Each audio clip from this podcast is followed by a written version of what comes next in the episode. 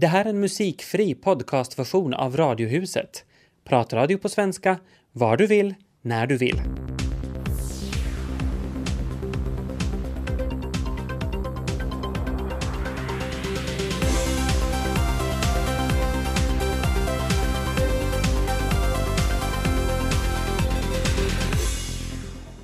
Och här startar Radiohuset tisdag som håller dig sällskap i Radio Vega ända fram till fem. Välkomna med! Unga företagare lyfts fram på mässa här i Vasa idag och vi får besök alldeles strax av Ritva Södergård som är projektledare och av aspirerande entreprenören Dennis Laakso. Och sen är det inte varje dag man får så fin post som jag fick igår. Det ska ni få höra mer om en liten stund. I studion idag Tobias Larsson och Peter Fard.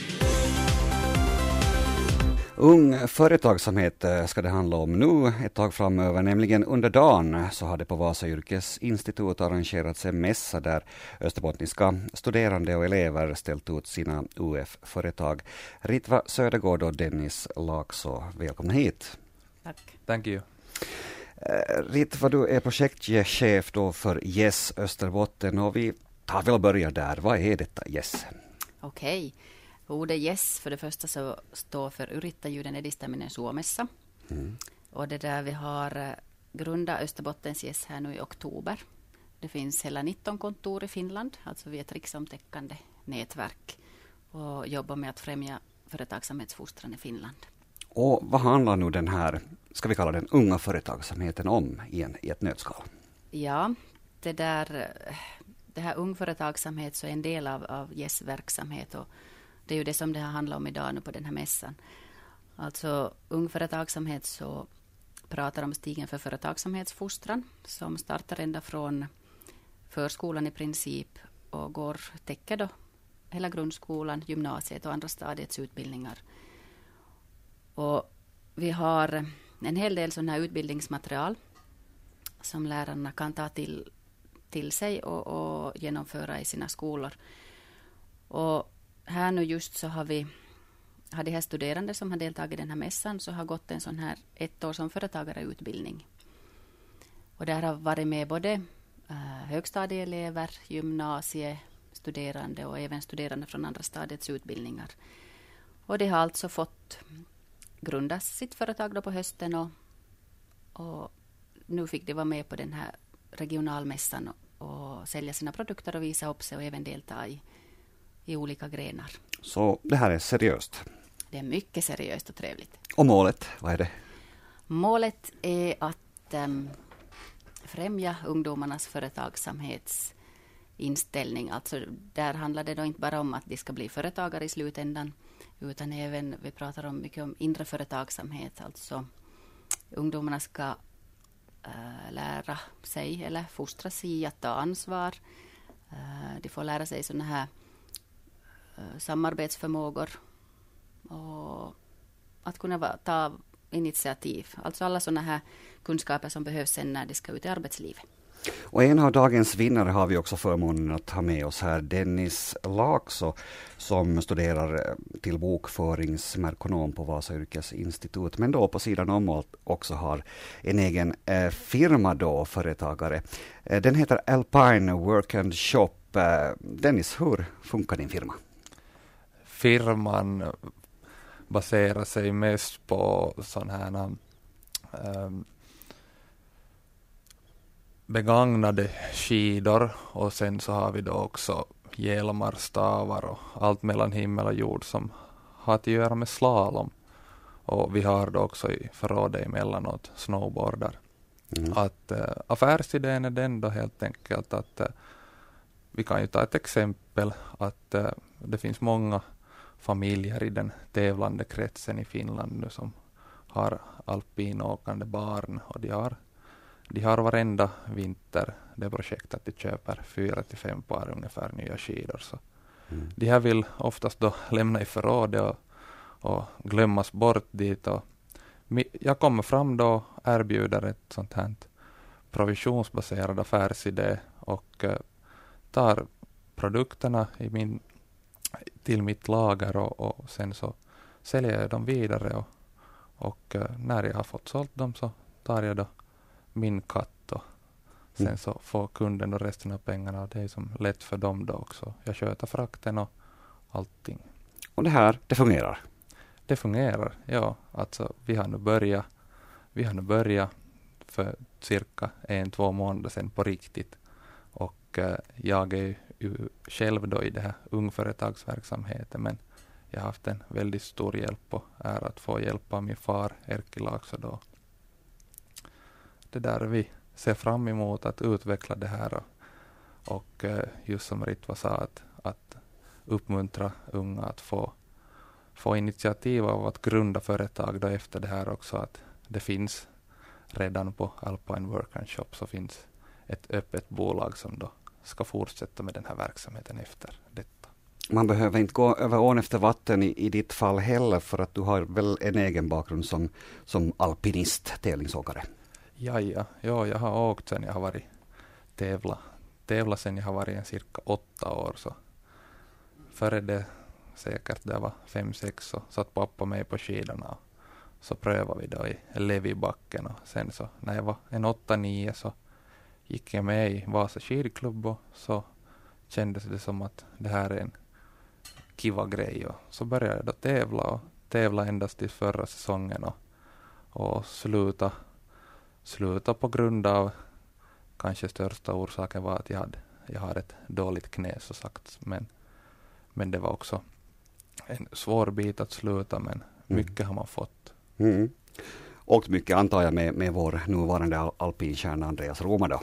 Ja, i, man kan inte säga våra unga dagar för vi är inte så gamla ännu men, men då vi har varit små så sagt så, så då har vi, vi har tränat mycket tillsammans jag och Andreas och uppkommande stjärna Samu Torsti också som åker för tillfället i Europacuplandslaget också. Ja.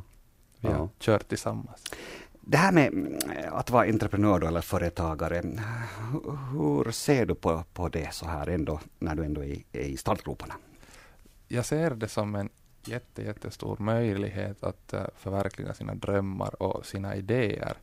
Att eh, alla unga som har en idé till ett företag så uppmuntrar jag väldigt hårt att, att eh, kör på, var inte blyga, var inte rädda att, att det där, man prövar på sina idéer och, och gör det vad man tänker att det, om det stannar i hjärnan så då är det där, that's it. Att, Mm. så att jag, jag ser det som en jättestor möjlighet och, och eh, man kan lära sig jättemycket. Och jag har lärt mig redan jättemycket och, och eh, som just Ritva sa, de här vissa orsakerna som det här hela projektet är också med på att man lär sig.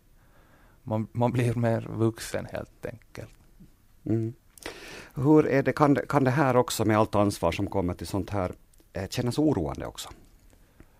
Eh, Det behöver inte kännas oroande, men eh, det är ju ett stort ansvar att ha ett företag. Att du kan ju som inte ha ett företag och sköta det si så där. Utan som då igen min far har lärt mig att om man gör någonting så då gör man det ordentligt helt enkelt. Mm. Att, att det kommer ju alltid kommer det ju någonting som man börjar grubbla på så här, men, men eh, alltid finns det en lösning. Ingenting är olösbart. Och så där med några års sikt, så hur pass stort företag visionerar och drömmer du om? man, man kan inte ha för små drömmar. Att, att det där.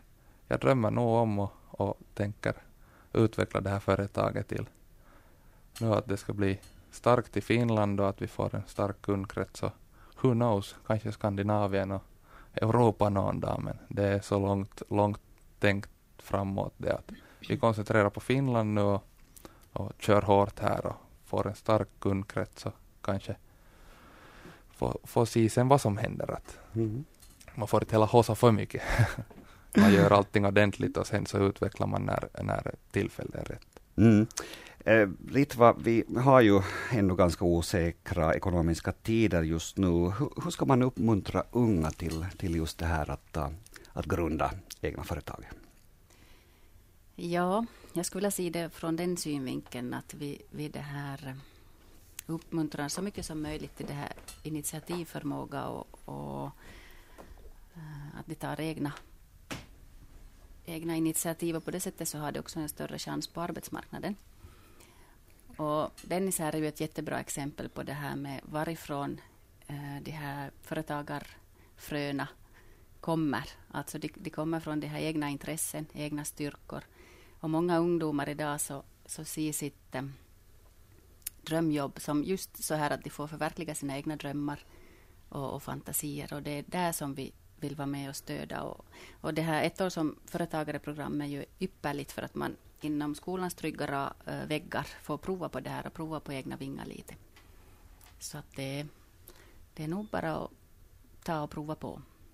Och nationella vinnaren då som utses i april i Tavastehus där alltså Dennis här också är en av de som kämpar om, om det här huvudpriset. Så vad väntar den som vinner? No, överhuvudtaget så kommer där att finnas 60 uh, eh, UF-företag från hela Finland som tävlar om, om det här ära och berömmelse naturligtvis. Och de tävlar i, i flera olika grenar. Dennis här nu vann idag. Han blev Österbottens bästa försäljare. Mm. Måste passa på att gratulera dig. Jag vet inte om ja. han gör det där tack, mässan. Ja, grattis. Tack, ja. Och sen utsåg man där bästa produkt, bästa mässmonter och ekologiskt tänkande. Så det här, det är mycket stort stor ära och berömmelse som väntar de som vinner sen i mm. hus. Dennis, eh, om du nu inte skulle bli företagare, så vad skulle alternativet vara? Oj, mm. det där är ju en stor fråga. Att, att uh, alla har ju sina drömmar och, och uh, jag har en ganska bred dröm på det sättet att helt enkelt någon, någonting inom ekonomi. Mm. Att det är det som intresserar mig mest, ekonomi och sånt här.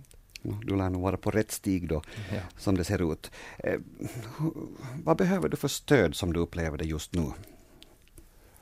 No, stöd behöver man ändå först och främst vad än man gör här i livet från nära och kära. Att, att eh, då från min familj och från min flickvän Heini att, att de, de orkar mm med att man är långa kvällar, kvällar och jobbar och, och försöker pusha framåt företaget. nu har vi ju haft ett ganska stort projekt att, som blir färdigställt nu på fredag, att vår hemsida som kommer då att förelätta jättemycket för kunderna. Att det helt enkelt adressen är alpineworkandshop.com och där kommer det att finnas alla våra produkter och tjänster och kontaktuppgifter. Det är en enkel men eh, professionell sida. Lycka till får vi säga Dennis Lags och Ritra Södergård. Tack för att ni kom hit. Tack. Tack för att vi fick komma. Igår så dunsade till i brevlådan hemma hos mig um, på ett sånt där sätt som det bara dunsar till när man får liksom, du vet, så här lite viktigare post på något mm. sätt. Det finns en speciell duns. Så, uh, och där fanns ett sånt här vackert brev på fint arkivbeständigt papper. Och det visade sig att det var inget annat än att min uh, ansökan om finländskt medborgarskap har beviljats. Så det oh. tyckte jag ju var skojigt. Grattis! Hur pass viktigt var det här för dig? Jag tycker att det är viktigt. Jag tycker att det är Det, det är liksom viktigt att höra till. Det, när man har liksom valt ett annat land så det är viktigt att, att höra till och att vara delaktig och, och, att få, få ta det här ansvaret fullt ut. Jag menar eh, skillnaden mellan förut är att nu får man rösta i alla val och man får liksom liksom, det är så att jag kan inte bara kräva saker av Finland utan Finland kan kräva en hel del ansvar tillbaka av mig också. Vilket känns ganska bra. Mm. Man skulle kunna misstänka nog att här var en häftig byråkrati-djungel. Ja, jo, det är det ju. Det är en krånglig ansökan. Det är en sån här, alltså folk med blankettfobi gör sig icke besvär om vi säger så. Um, det är mycket som, det är ju klart, klart att det är gjort med flit. Mm. Att de som inte riktigt vill bli medborgare, som inte tycker att det är så viktigt, de ska krokna innan de har fyllt i alla uppgifter färdigt och så och skickat med alla papper som ska vara. Mm. Eh, så jag har pratat med andra vänner som också är, har flyttat till Finland och som funderar på att söka medborgarskap. Och det är ovanligt lätt för mig som är från Norden. Jag är från ett annat nordiskt land. Mm. Jag har bott här i många år. Jag har en så ordnad ekonomi, allting sånt. Det är liksom inga problem. Det krävs mycket mer detaljer av andra nationaliteter. Det räcker att du kommer från ett annat EU-land utanför Norden. Så förväntas du lämna ifrån dig ganska mycket uppgifter om dig själv. Som exempelvis jag fick svara, jag också fick svara på frågor om inte bara mig utan mina föräldrar, deras civilstånd, nationalitet, om de var gifta med varandra när jag föddes. Mm sådana saker. Mm. Och, och, är man då inte nordisk medborgare ska man dessutom göra en ganska detaljerad lista på hur många gånger man har rest ut och in från Finland det senaste året. Mm. Uh, men, men jag hade det som sagt bra, jag behövde inte svara på så mycket. Plus att det gick ganska fort för mig som nordbo. Normalt sett genomsnittliga tiden för en sån här utredning är ett år och, och för mig gick det på betydligt kortare. Det gick på liksom en dryg månad. Tobias, eh, det här, du har då alltså dubbelt medborgarskap. Mm. Ja, man kan ha båda. Mm. Så ska det här kunna vara så för dig då att det är både dubbel glädje och sorg? Ja, det beror lite på hur man ser det. Eh, man får ju se, alltså det är sådär, jag, jag tänker sådär att, att jag vet ju vad jag har varit, jag, alltså, och vad jag är. Jag är ju fortsatt svensk medborgare också. Um, men, men liksom vad blir man när man blir medborgare i ett nytt land? Mm. Jag har mm. liksom funderat på det där.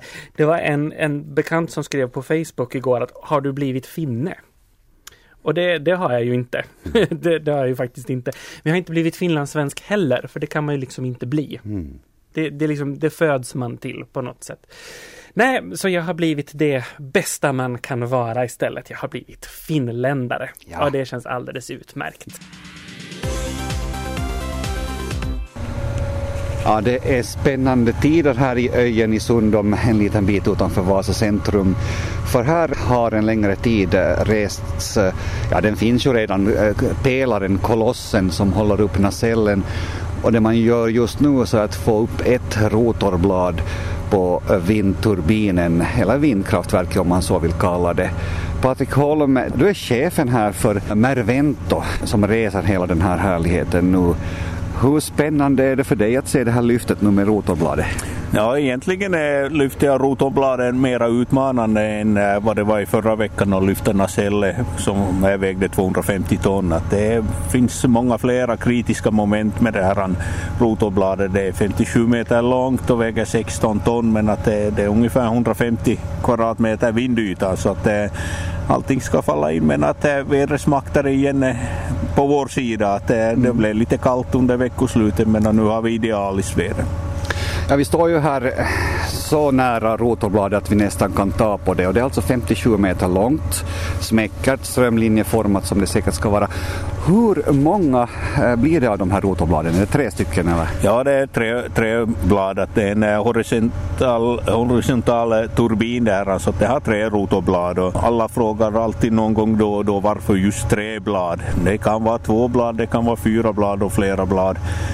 Faktum är det att flera blad ger lite bättre verkningsgrad men att kostnaderna stiger märkbart gällande bladkostnaderna plus att desto flera blad man har så roterar den långsammare och då stiger momentet och så blir det stora kostnader på mekanik och elsidan och elsystemet. Så tre rotorblad är ganska optimalt för att eh, man har alltid lika mycket vikt på, till vänster om tornet som till höger om tornet trots att det är två blad på ena sidan så ett på andra sidan så är vinklarna på det sättet att massan är hela tiden jämn och det är mycket vackrare att se på än om det skulle vara två, två rotorblad för det ser lite dumt ut för att emellan faller det in i samma linje som tornet och mellan är det en annan vinkel. Så tre rotorblad är det optimala för horisontalturbiner och så kommer det vara länge framöver. Vet du vad Patrik Holm? Du fick mig övertygad.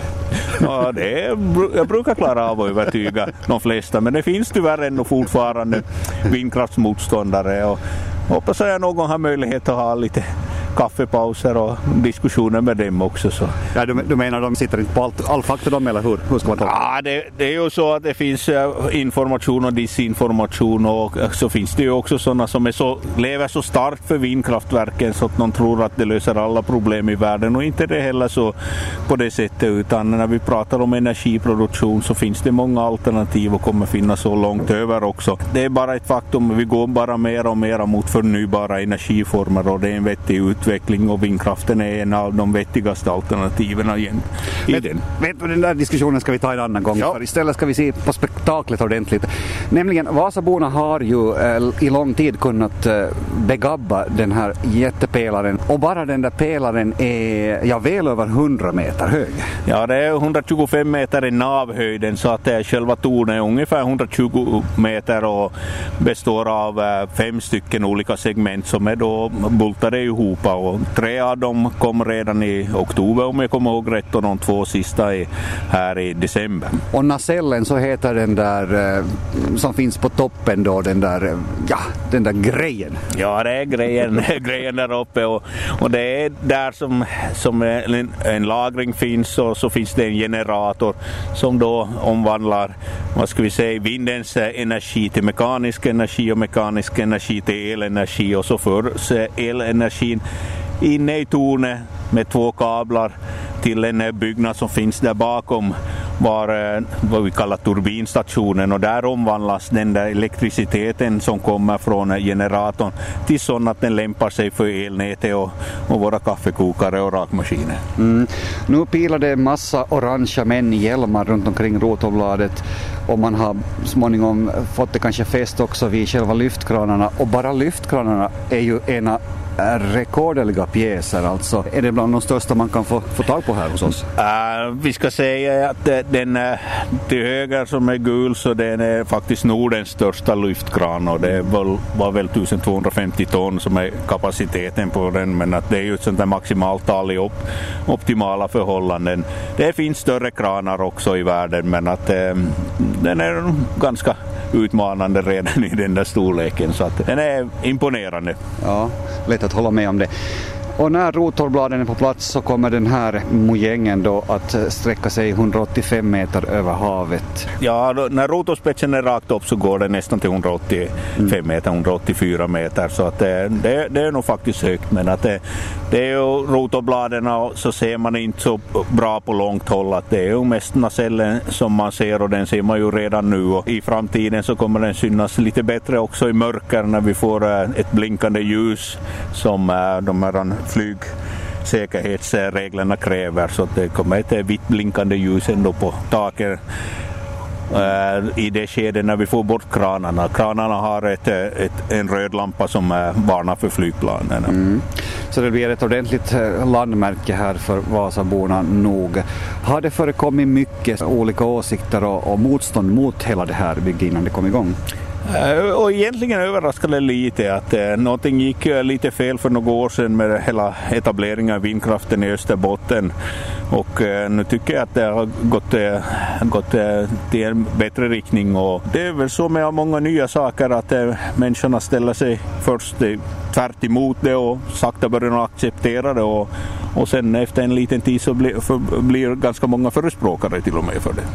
Jag kan tänka mig att inte här är helt gratis att resa en, ett, ett sånt här spektakel här. Vågar du säga vad, vad det har gått lös på hela paketet? Nej, vi ska inte förstöra min och någon annans eh, nattsömn med det. Men att det är en prototyp och prototyper kostar och det är en investering för framtiden. Vår ambition är ju att, att utveckla en, eh, en turbin som vi kallar att en nästa generations turbiner som har vissa fördelar för då slutkunden och, och den investeringen gör vi nu och vi hoppas då på att komma igång med försäljning och eh, produktion som då gynnar hela det här området via arbetsplatser. Att två tredjedelar av hela turbinens pris eller kostnad som kommer från Finland så att det är märkbart och plus att vi har ju sysselsatt otroligt mycket underleverantörer, ganska exakt 150 stycken.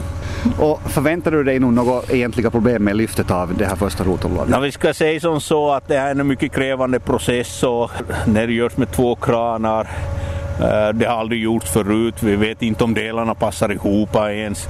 Vi har eh, en hel eh, ganska invecklad mekanism sen som ska rotera det här bladet för det installeras horisontellt och så ska vi rotera det 120 grader förrän vi kan lyfta nästa blad. Så den mekanismen och anläggningen har aldrig, aldrig egentligen testats så vi måste testa den första gången vi använder den och det kan vara en liten utmaning.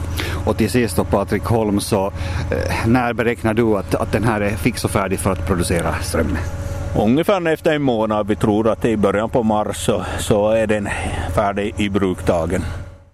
Lyftet av rotorbladet gick sedan helt enligt ritningarna och några, några dagar senare så var också de övriga två bladen på plats. Nu väntar fin kalibrering av hela systemet och så är det meningen att elproduktionen sätter igång om några veckor. Och det var Peter Falund som hade varit ute som reporter. Jag berättade ju förut att jag från och med nu får rösta i samtliga kommande val i Finland och det, mm. det känns ju bra. Sådär, mm. samhälleligt ansvar och, och sånt. Visst i världen. Jaha. Eh, däremot får inte alla amerikaner rösta i de amerikanska valen. Eh, tankesmedjan Pew Center on the States har gjort en undersökning inför det amerikanska presidentvalet eh, som visar att var fjärde amerikan saknar den giltiga registrering som krävs för att få rösta. Så då, var fjärde amerikan får inte rösta alls. De ska nog alltid krångla till det. Mm. Dock finns det hela 1,8 miljoner människor som är korrekt registrerade och har formell, formell rösträtt trots att de är döda. Eh, de får rösta då och 2,8 miljoner är dessutom registrerade i fler än en delstat och får rösta flera gånger. Jag säger bara only in America. Länge lever demokratin, säger jag. Då man pratar om politiska idoler så brukar ju namn som Mahatma Gandhi, Nelson Mandela, Ellen Sirleaf Johnson dyka upp. Det är människor med kärnkvalitet. Att kalla dem människor är, är, är nästan lite att undervärdera dem. De är övermänniskor. Det är människor som har trotsat alla motgångar som finns i livet, både i det personliga, det privata och det offentliga livet. Men ändå så har de blivit vinnare på sitt eget lilla vis. Jag upplever nu, efter förra veckan, att det finns en ny kärnspelare på planen. Det är inte en internationell hjälte, eh, någon som är globalt känd. Det är ingen som har vunnit Nobelpriset, fast han säkert i eget tycke så borde förtjäna det. Nej, det är en, det är en man som är född strax efter kriget, faktiskt uppe i, i finska Lappland.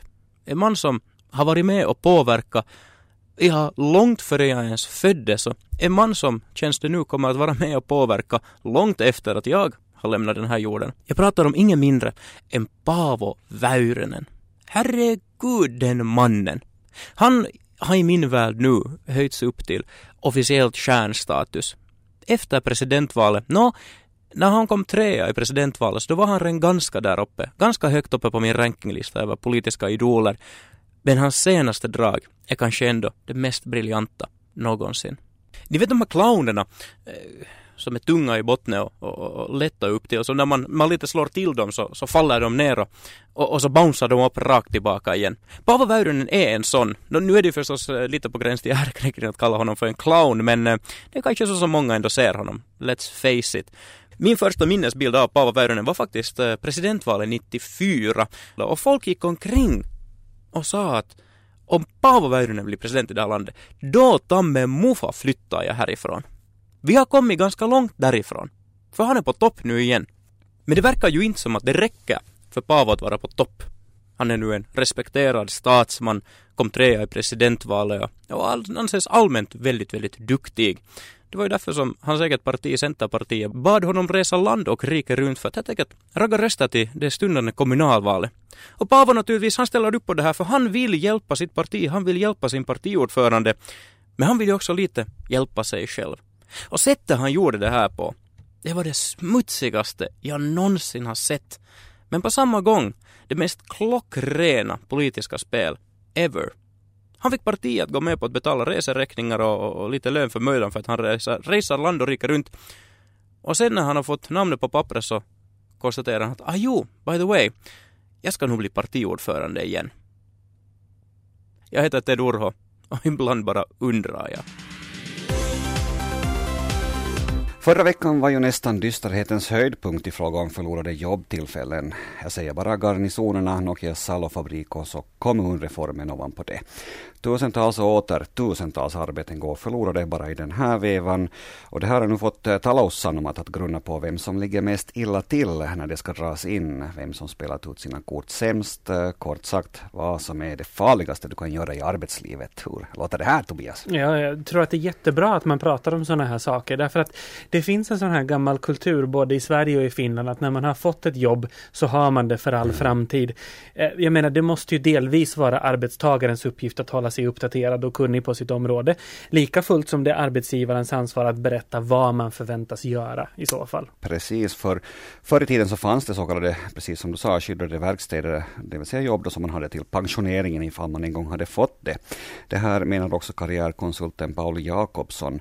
Nå, nu börjar det vara slut med sånt eh, säger han vidare, ingen är längre säker för det finns inte längre sådana tjänster som inte skulle beröras av eh, förändringar, omorganisationer, om man så vill. Den här utvecklingen bara accelererar, vare sig vi vill det eller inte. Titta då bara på Försvarsmakten och kommunerna som varnande exempel. Och så försvinner ju också den här tanken att just att man ska ha ett jobb hela livet. Mm. Man förväntas liksom utveckla sig och gå vidare efter några år. Jakobsson han ger nu det rådet att eh, vad du än gör, stanna inte upp där du är. Utveckla dig, lär dig många saker. Då har du bättre förspänt och är troligen inte den första då som saneras bort. Har du inte många strängar på din lyra så är du snart såld. Dra dig inte inåt, nöj dig inte med bara samma enahanda arbetsuppgift hela tiden. Kommunicera mera, övertyga chefen om hur bra du är och se till att uh, kunna språk. Det här det är allt framtidens melodi. Och gärna olika språk dessutom. Som ett litet tips kan vi ju säga att kinesiska lär vara hett framöver. Men, men också just det här um, att övertyga chefen om hur bra man är. Det ligger ju inte heller riktigt varken i svensk eller Nej. finländsk sätt att vara sådär. Man vill ju hellre tona ner sig. Det, det kanske man måste sluta med då. Ja, troligtvis. Just nu är situationen värst i sådana företag som inte ordnar fortbildning, som låter sin personal samla damm istället för utveckling, om man uttrycker det så. Inga företag som producerar gammaldags äkta hantverk av olika slag är längre trygga arbetsplatser, dels eftersom risken för utflaggning är så stor idag, men framför allt eh, just för att det är svårt att förkovra sig vidare. Jakobsson dundrar faktiskt på här och menar att man som arbetstagare faktiskt måste våga kräva vidare utbildning och nya utmaningar. Att det faktiskt nästan är viktigare det här i dagen själva löneanspråket att ja, liksom ha sen i sitt CV. Jag, jag instämmer i allt det här, plus att allting som man kan liksom samla på sig är ju plus. Allting, all erfarenhet som man kan visa upp är ju till godo när man ska söka ett jobb eller för all del när man vill behålla det.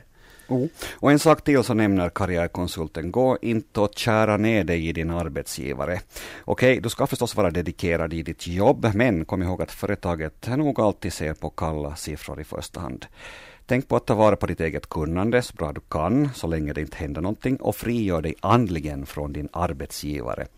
Gör uppgifterna så bra du kan också under samarbetsförhandlingar och går det nu sen så illa att du blir uppsagd, godkänn att det i alla fall då inte berodde på dig personligen, fast det är nog knappast eller speciellt lätt att tänka så i den situationen. Nej, jag tror inte det. Jag tror att när man sitter där och blir överflödig på sitt jobb så är det nog lättare sagt än gjort att tänka positivt. Så. Mm. Det är nästan lite cyniskt att be folk som blir överflödiga på jobbet att faktiskt men liksom se den positiva sidan på den. För den finns ju kanske inte direkt så. Mm. Avslutningsvis, här är fem sätt att förstöra sin karriär. Du är hela tiden försenad eller så gör du inte överenskomna uppgifter. Mm. Du svarar inte i telefon eller på e-post. Mm. Du gör nätt och jämt det som behövs men absolut inte mera. Mm. Du klagar och skyller på andra. Och du säger aldrig tack. Igår protesterades det i Helsingfors mot planerna att dra ner Museiverkets budget med 3 miljoner euro, vilket kommer att slå hårt mot verksamheten, inte minst mot små museer som inte bringar vinst. Jag ringde upp Solveig Sjöberg-Pietarinen, docent i museologi, och frågade vad alla besparingar får för följder.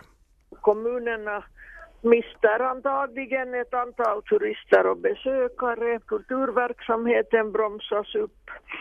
Sen är det ju frågan om att ingen ännu har sagt bestämt vad som ska hända med byggnaderna och med de konkreta samlingarna efter det att ingen verksamhet finns. Det som har betonats mest i det här fallet är då det att det leder till ett antal uppsägningar vid Museiverket. Varför är det så viktigt att bevara också små museer? Ja, det är på det sättet när det nu råkar vara just det, byggnader som är på något sätt speciella. Om vi tar Sammatti till exempel på vägen till Helsingfors, man kör ju nästan förbi där om man kör med bil, så Elias Lönnroth är en viktig person i Finlands kulturhistoria. Och då är det ju lite tragiskt att en fattig torparpojke man inte kan visa hur fruktansvärt enkla förhållanden han kom ifrån. Sen har vi motsatsen, alltså den här hög, västliga högkulturen, när den nådde Finland så kom den ju västerifrån. Och då betyder det att egentliga Finland som landskapet kallas. Det var dit de första kom, det var därifrån kontakterna. Åbo var ju den andra staden i det svenska riket. Stockholm på ena sidan, Östersjön och Åbo på andra. Och då var det ju klart att det var de släkterna som hade kontakter till både Nordtyskland, Baltikum och eh, Sverige naturligtvis. Och de här rörde sig och bytte ut nyheter och vad det kom för saker. 1700-talet, därifrån har vi ju för flera av de här små museerna som ska stängas så är träbyggnader. Och det är därför det har varit, eller är så fruktansvärt viktigt att de står som museer.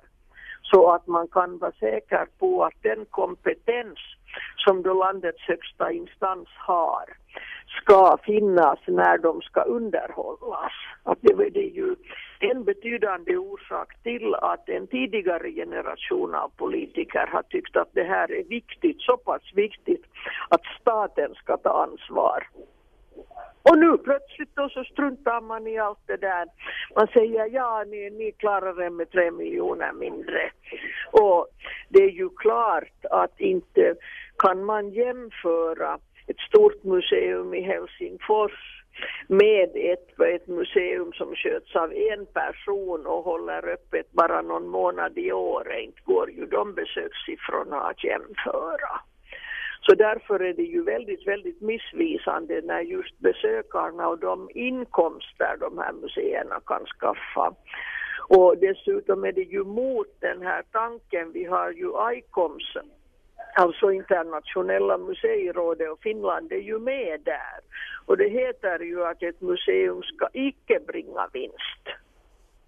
Så att på många, många sätt så har de här goda ministerierna nu som är ansvariga för Finlands kulturverksamhet så har de skött sig, deras ansvariga personer har skött sig lite dåligt. Och det gäller då beslutsfattare på mycket hög nivå.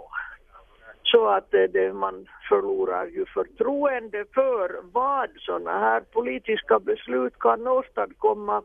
Några år så, så tycker man jo det är så fint, vi gör ett museum här och vi gör ett museum här, det finns intressanta hus, det finns kunniga människor. Och, och så fattar man ett beslut och sen när saken är gjord, det var inte roligt heller.